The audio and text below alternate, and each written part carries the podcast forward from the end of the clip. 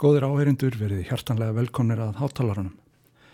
Þessi kraftmikla músík er meðal þess sem er vantanlegt á nýri plötu rúsneska píjónuleikarans Daniels Trifonov.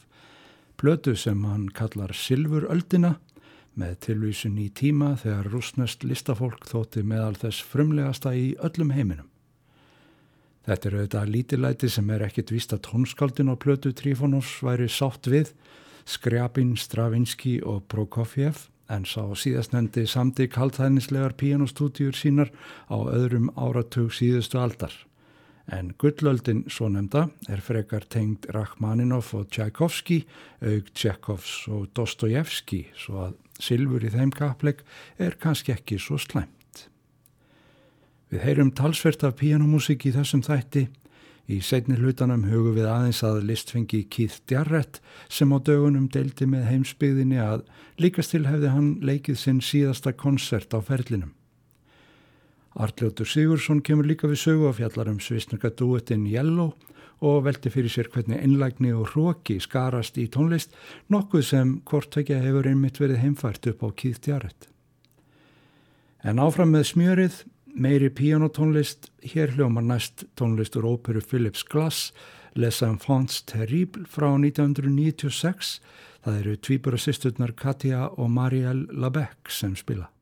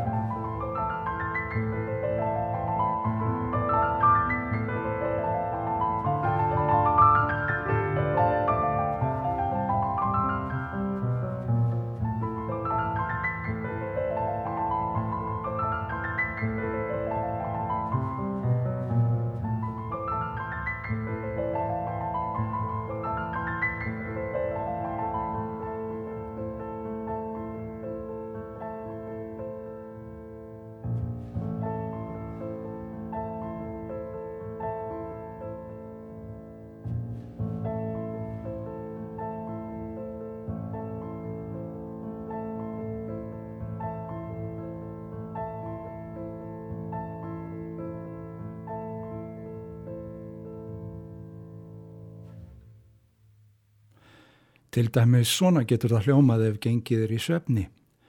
The Somnambulist úr óperu Philips Glass, Les Enfants Terribles, eftir sögu Jean Cocteau. Katja og Marielle Labec lieku útsetningu sem tónlistarstjóri Philips Glass til margra ára, Michael Riesman gerði fyrir þær og nýja plötu sem er um það byrja að koma út með tónlist ameríska tónsmissins. Og við höldum áfram með merkri amerískri listakonu. There's a new world coming,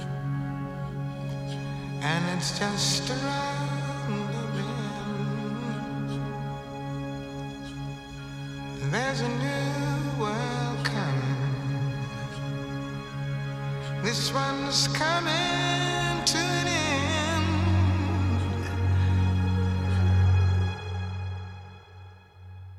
end. There's a new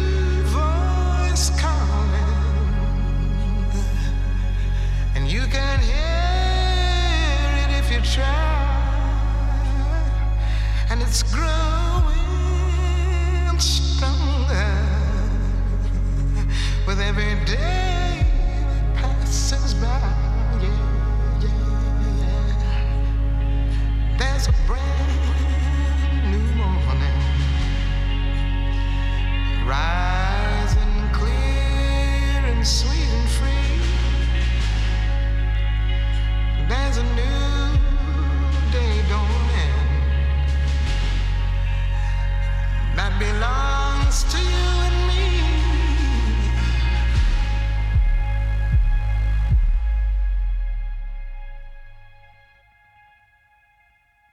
some new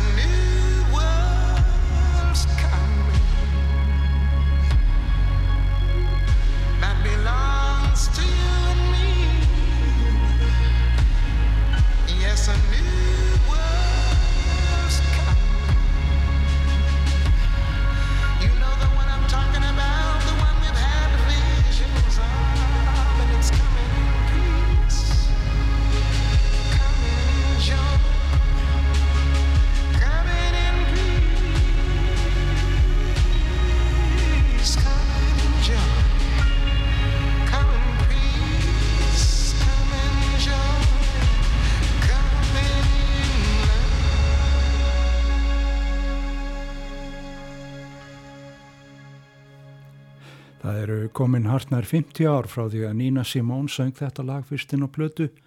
Þessi nýja endurgerð á New World Coming er eftir duettinn Dark Dark eða þau Chris James og Genevieve Vincent sem vinna saman að alls konar tónlist ekki síst sem tengis kvimdagerð alls konar. Gaman að heyra að Nina Simone er enþá að leggja sitt loð á vogarskálarnar í baráttinu fyrir betri heimi, nýjum heimi. Og hér er svo annar listamæður sem lætur sig ekki muna um að hræra í eins og eitt baráttu lag. Stevie Wonder setti þetta saman í tengslum við Black Lives Matter reyfinguna og fekk til liðsvið sig glæstan hóp úr samtíma tónlist svartra Amerikana. Can't Put It in the Hands of Fate syngja þau saman orðin döðþreytt á að býða eftir því að örlögin takk í tveimana.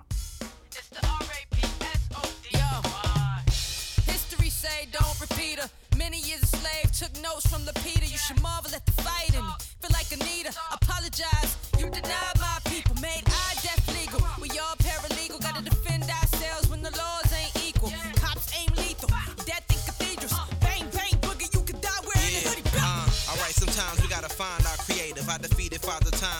by Mother Nature. In the projects, tenement walls, sudden withdrawals. A true rebel, it's easy to spot the government flaws. Mass confusion, people in power commit collusion. Indoctrinated students, I'm the leader of the movement. Take lifetimes, trying to duck the school to prison pipeline. Disenfranchised, amazing I'm in my right mind. Create change, survive, struggle to maintain. So many lies within the campaign, a damn shame.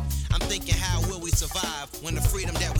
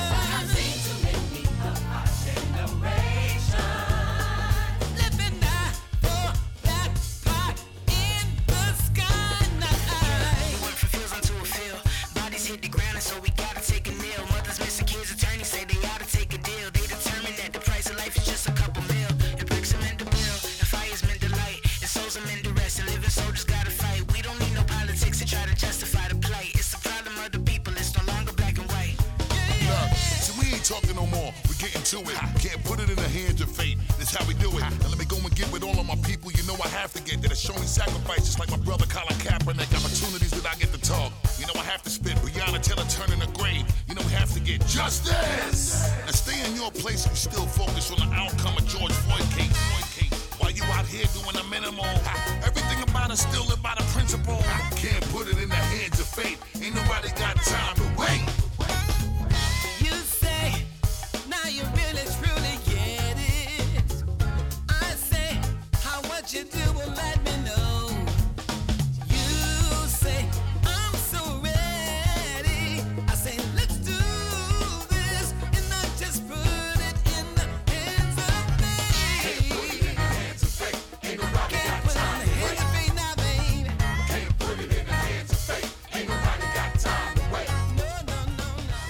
put it in the hands of fate Ain't nobody got time to wait.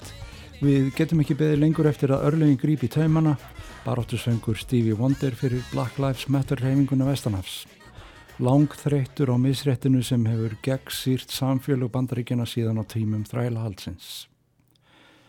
Baráttu söngvarnir eru oftar en ekki ákallum að ráðamenn taki betri ákvarðanir Ég hef áður spilað tónlista af skemmtilegri plötu þar sem Kronos kvartetin rifjar upp nokkra hárbeitta ádölu söngva Pete Seeger eins og þennan þar sem söngvaskóldi góða leggur út af vafasamri leiðsögn fóringja í hernum.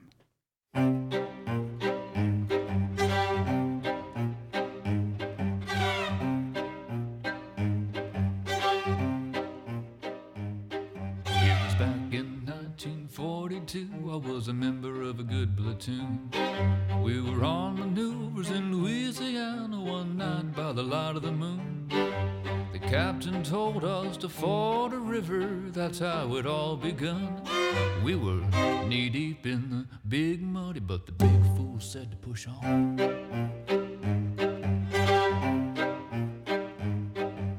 Sergeant said, Sir, are you sure this is the best way back to the base? Sergeant, go on. I forded this river about a mile above this place. It'll be a little sloggy, but just keep slogging. We'll soon be on dry ground. We were waist deep in the big muddy, and the big fool said to push on. Said, Sir, with all this equipment, no man will be able to swim. Sergeant, don't be a nervous Nelly, the captain said to him. All we need's a little determination, men follow me, I'll lead on. We were neck deep in the big muddy, and the big fool said to push on.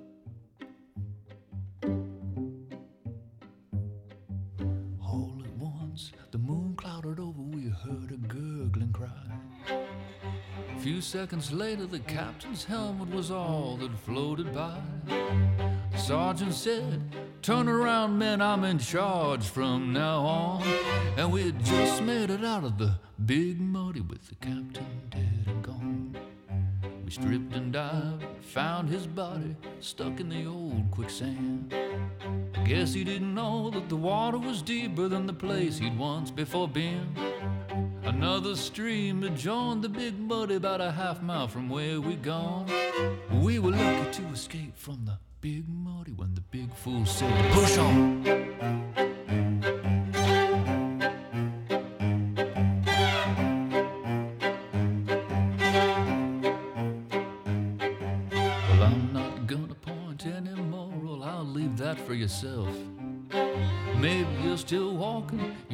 Talking, you'd like to keep your health.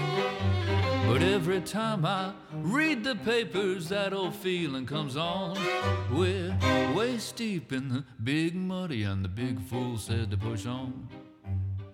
Waist deep in the big muddy, and the big fool says to push on. Waist deep in the big muddy, and the big fool says to push on. We're waist deep, neck deep. Soon, even the tall man will be over his head. We're waist deep in the big muddy, and the big fool says to push on.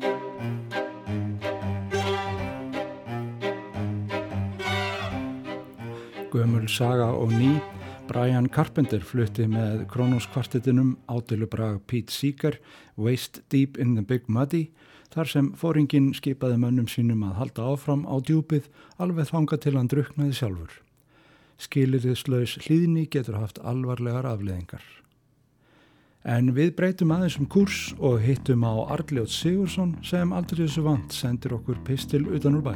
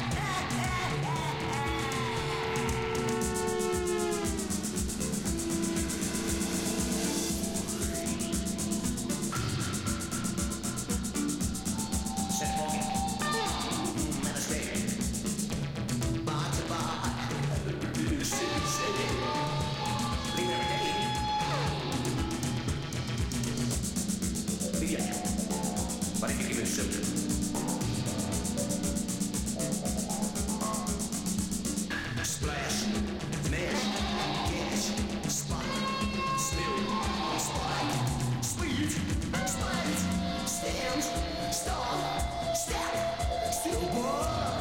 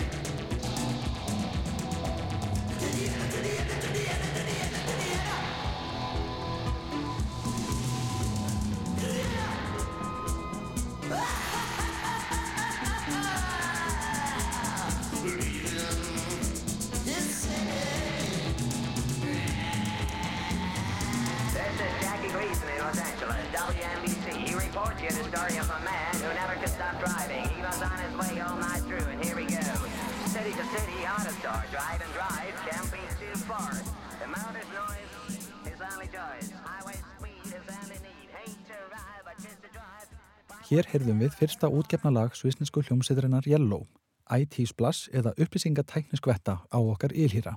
Lægið kom út hjá Ralph Records, plötu útgáfi fyrirtæki annarar viðfrægrar förðupops sveitar, The Residents. En förðupopið er, eins og nafnið gefur til kynna, undarlegt fyrirbæri. Tónlistgerð innan ramma dægurlega gerðar oftar en ekki til að tegja formið og breyta því og jamt skjóta á markaðsmiðaðan staðal tónlistarlegs populisma. Einhvers konar trójuhestur fagur lagaður og girnilegur konfektmóli með listarætni fyllingu sem felur sig í konfektkassa poptónlistar og býður þess að grunnlust hlustandi bíti á agnið og hljóti jafnvel með því innblástur til frekari eftirgrensla í tilræna tónlist og snúi baki við merkingarleysu markaðsetta Oh Baby I Love You popsins. Yellow samanstendur af þeim Dieter Meier og Boris nokkrum Blank. Saman gerðu þeir ódöðlega tónlist og voru oft nefndir meðal flagskipa raftónlistarbyltingarinnar við hlið Kraftwerk og Giorgio Moroder. Dieter Meier, söngvari og textasmiður Yellow er stóríktur svisslendingur, myndlistarmadur, bankastjórasónur, fyrrum atvinnu fjárhættuspilari, súkulæði framleiðandi og brautriðandi businessmaður, skartandi yfirvaraskeggi og ósaldan klættur frakka með sentilmanna hatt á höfði sér. Dieter sagði eitthvert sinn að nafn hljómsveitarinnar væri nýjirði af því að kalla Halló eða Yell Hello. Hugræningatengslinn sem ég fæ við að heyra nafn sveitarinnar hattar þó frekar að bónusgulum eða formaða síkurhlöpinu Jello. En hvað um það? Ef Dieter Meier er hjarta Jello, þá er Boris Blank heilin, hinn armur tvíekinsins, eins konar Georg Gýrlusi, græjukallin mikli sem sér um hljóðvinnsluna og upptökur og þess áttar. Hann kom úr annari átt en Dieter og var trukkarpilstóri með ofurmiklar ástríðu á hljóði, upptökum og tilraunum með segulbönd. Hann klifti þau sundur og saman í sífellur á sínum yngri árum í heimagerðum hljóðbútar saum. Boris segir að í æsku sinni hafi hann mikið leikið sér með millibil bergmáls í fjöllum Alpana í gönguferðum fjölskyldunar og það sé miðal annars það veganesti sem hann tók með sér í ferðsinni um botlusann fjallasal hljóðsins. Maður spyr sig hvort hann hafi þarna í bergmálsbjörgunum suður af bæjaralandi kallað Halló eða hreinlega Yellow. Nú svo má segja um Boris að hann skartar ekki aðeins fínu yfirvara skeggi eins og hljómsveitabróður hans heldur er hann einnig afbræð smali. Smali spyrjið þið, já smali. Samplerar hafa stundum verið kallaðir hljóðsmalar á íslenskri tungu og veriðist það eiga betur við en önnur nýjirði um þessar fimbulgræjur, samplera, í ferli tónlistarsköpunar tvímenningana. Í viðtali við Yellow sem ég grófi upp á veraldarvefnum í undirbúningi pistils þessa segir Dieter Meier að Boris sem býr yfir hljóðsafni þar sem hljóðbútar skipta mörgum tugum þúsunda hafi stórgóðslega yfir sín yfir þessa búta og hann geti kallað þá fram í stúdíónu eins og velþjálfaða hunda. Hverjum hljóðbút hefur hann gefið nafn og flokkað svo hann geti auðveldlega skipað hverjum bút sess í útsetningum sínum. Úr því verður að músikinn þeirra verður eins konar klippimynd í tónlistarformi en Boris segir sjálfur að hann sé svo kallaður moodmaker eða stemningsskjafi frekar en tónskáld. Ef Boris er svo ábyrgur fyrir því sem mætti kalla sviðsmynd Yellow er Dieter svo djúbrataður sögumæðurinn eða hefð talandi höfuð í hljóðgeim félaga síns. Tekstar hans hafa oft yfir sér ævintýralegan blæ í leikústíl þar sem hann dregur upp myndir og senur jafnan æði skrautlegar. Einnig á hann það gerðnan til að babla og bulla einhvers konar merkingarlausan bibidi-babidi-bú skattsöng eins og stærsti smellu þeirra og ég frá 1985 ber vitni um. Með þeim smelli brutu þeir sér leið inn í meginströym nýjunda áratugurins og var lægið notað í frægu Ferrari atriði kvikmyndarinnar Ferris Bueller's Day Off frá 1986. Þaðan voru jell og allar liðir færar og tækifærin sem þeim buðust í gerð kvikmyndatónlistar gripu þeir jafn óðum en aldrei voru þeir mikið fyrir að halda tónleika heldur leið þeim að því er veriðist betur innan vekja hljóðversins. Hlýðum nú á heið sívinnsæla lag þeirra Ó oh ég galsafengið og jafnvel bjánalegt í viðlags og erindisleysu sinni.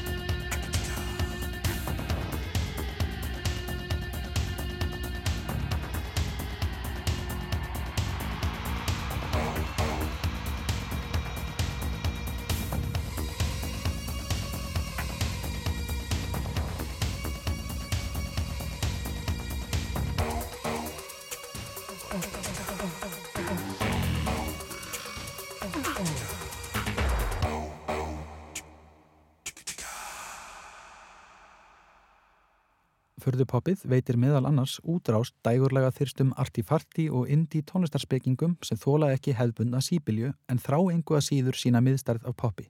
Í þessum ramma tónlistar gefast mikil tækifæri til ádelu og kaltæðinni sem gerir margar þar sveitir sem innan rammans starfa af tvíegiðum sverðum. Maður hlýtur nefnilega að spyrja sig hvort tónlist yellow sé gerð af listfengi eða listleysi. Fellur listin um sjálfa sig með að vera hluti af poprófinu og þar með að styðja það eða er hún nöðsynlegt andof innan þess og gildis aukandi. Eftir allt saman þá er þetta P og PP. Ekki lítur út fyrir að djúbgreiningar tónlistarspekulanta séu til einski skerðar. Museum of Modern Art tók tónlistarmyndbönd hljómsveitarinnar til varðvislu rétt eins og það gerði við myndböndu Residents, fyrstu útgáfuherra þeirra og kollega í fyrðuleika. Vel að merkja er Dieter Meier ekki bara svisneskur, bankastjórasónur, spilavítisengil og súkulæði fremleðandi, heldur var hann starfandi konsertlistamæður til margra ára áður en hann gekk til liðs við Yellow. Þá átti hann verk á henni margrómuðu dokumenta 5 myndlistarháttíð í Kassel, Þískalandi, árið 1972, svo dæmi megin nefna. En þessi afskipti hans af konsertlist gera síðan stöðu Yellow árineilegri svo minnir á söguna um nýju fött keisarans. Erfitt getur verið að greina millir gríns og alvöru í tónlist Yellow og gildi eða gildisleysi tónlistalags intags þeirra yfirleitt heldur loðið. Því rennur mér kallt vatnmilið skins og hörunds og margar spurningar vakna. Mistegu þeir sig í darraðar dansi jæðarsins og fjallu ofan í Hildi U Baby I Love You popgrifjunar með síjöknum vinsaldum sínum. Eða veittu vinsaldirnar og stöpullin sem þeir voru komnir á sjálfræði í listsköpun sinni svo þeir þurftu ekki að gera neitt nema það sem gaman þykir. Hef ég verið gerður af fýbli fyrir indi mitt og dálæti á förðupoppi Yellow Eru þeir einlægir eða bera þeir vittni um hrókafullt viðhorf fyrðupops? Eru þeir henni nýju klæðskerar keisarans? Sniðu þeir á mig glæsileg föt úr ósynilegum vefnaði og ránka ég við mér í martraðakendu lindihoppi nakin á sveittu dansskólanu meðan þeir liggja á gólfi hljóðversins í kasti yfir því hvað pöpullin skólar þessu bulli auðvöldlega niður. Hvað sem því líður, þá er ofbáslega gaman að þessu öllu saman. Nánast nýhilisk skemmtun með brosi á vör og mjadma dilli. Þótt lífsaldur þeirra kumpona tellið samanlagt hátt upp í eina og halva öld eru þeir ennþá að í stúdíónu og standa fyrir sínu eftir 41 árs starfsafmæli. Ég spyr með að lókum, eru Yellow ekki bara að grínast? En svo sínist mér svarið vera að þeim sé hreinlega fúlasta alvara með öllu þessu gríni.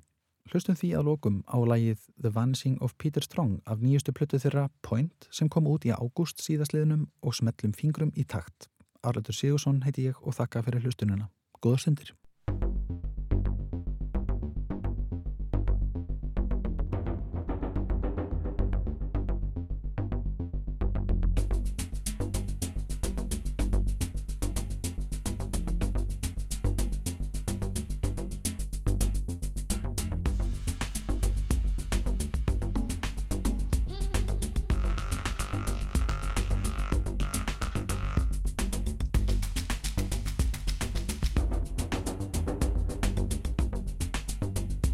when Peter Strong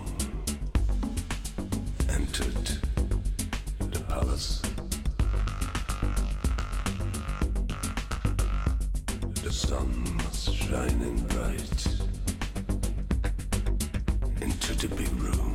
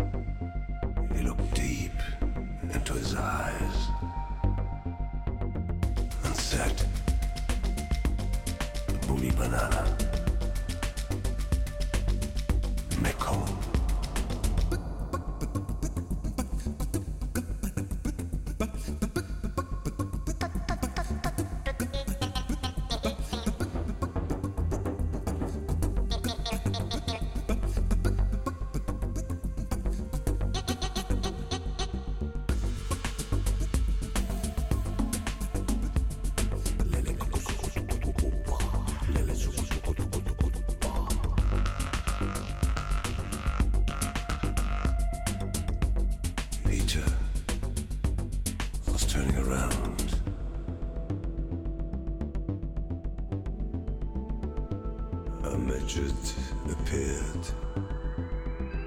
a crown on his head. He started to sing and to dance.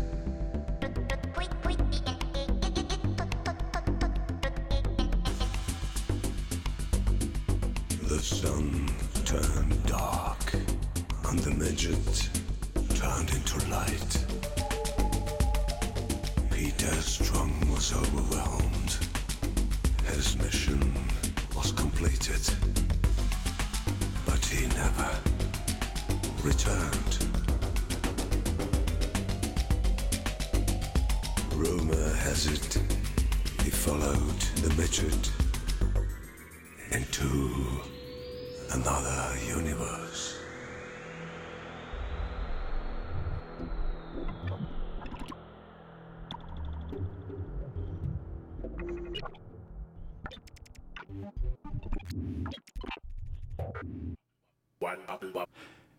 Einlægni eða hrokkafullt viðhorf, þar likur Evin í fyrðupoppinu eins og í annari tónlist eins og Arljóttur Sigursson listi fyrir okkur í þessum pistli um sveisnarska duettin Yellow.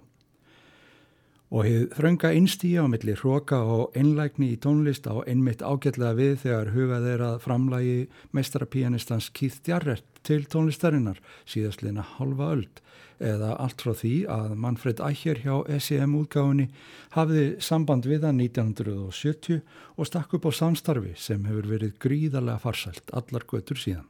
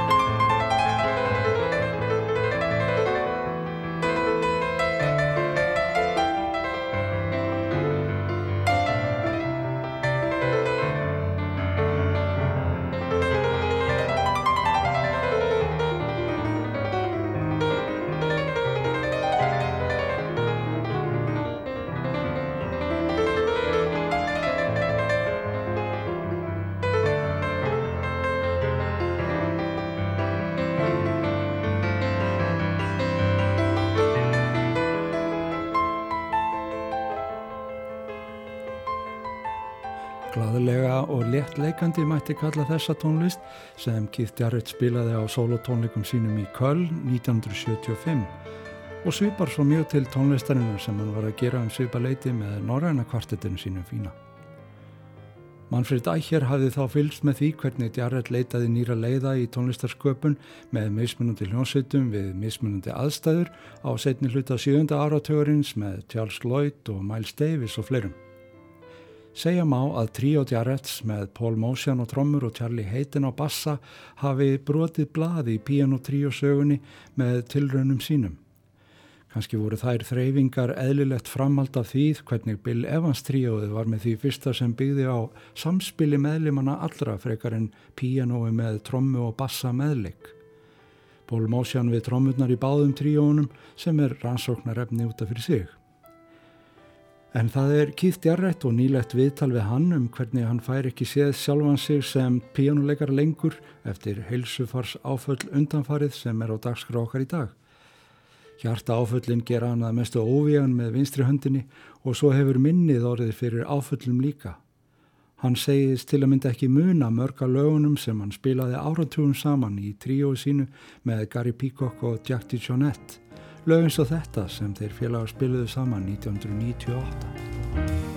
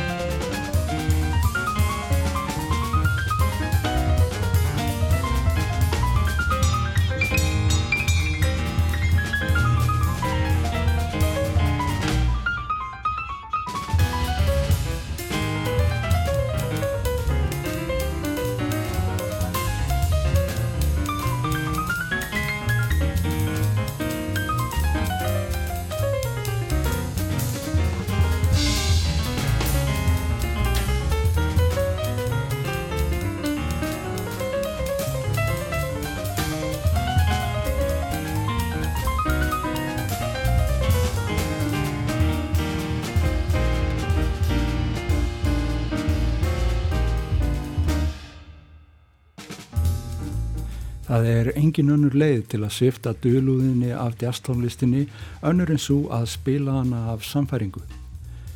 Þetta er dölarfull yðja og ástæðan fyrir því að erfitt er fyrir tónlistarfræðinga, gaggrínendur, leiðbeinendur og markasöflin að ná utanum efnið er svo að jazz snýst um nánd við efnið, um persónulegan dans við það, ekki efnið sjálft og þessi persónlegi dans eða staðfestingin á gildi hans er ekki í höndum fjölmiðla, fyrirtækjana eða gaggrínenda og fjármála afla. Það eru aðeins aðrir dansarar sem staðfesta þetta gildi.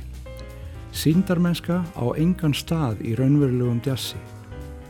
Ef það er satt að það persónulegasta sé um leið það sem hefur breyðasta skýrskotun fer það langt með að útskýra hvernig raunverulegi risar jazztónlistarinnar hafi náð slíkri stærð.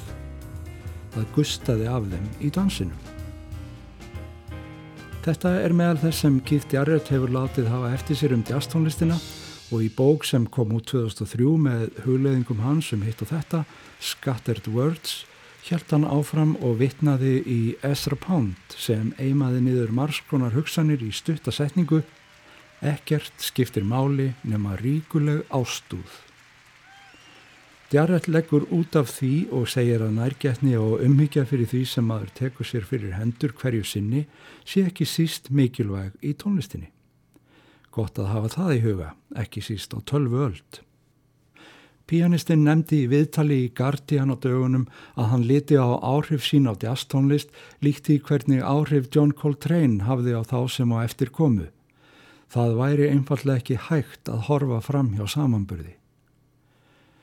Það kann að hljóma hrókafullt að líka sjálfum sér við einhvern mesta meistara spunatónlistarinnar sem umgetur eða væri ekki svona næri lægi.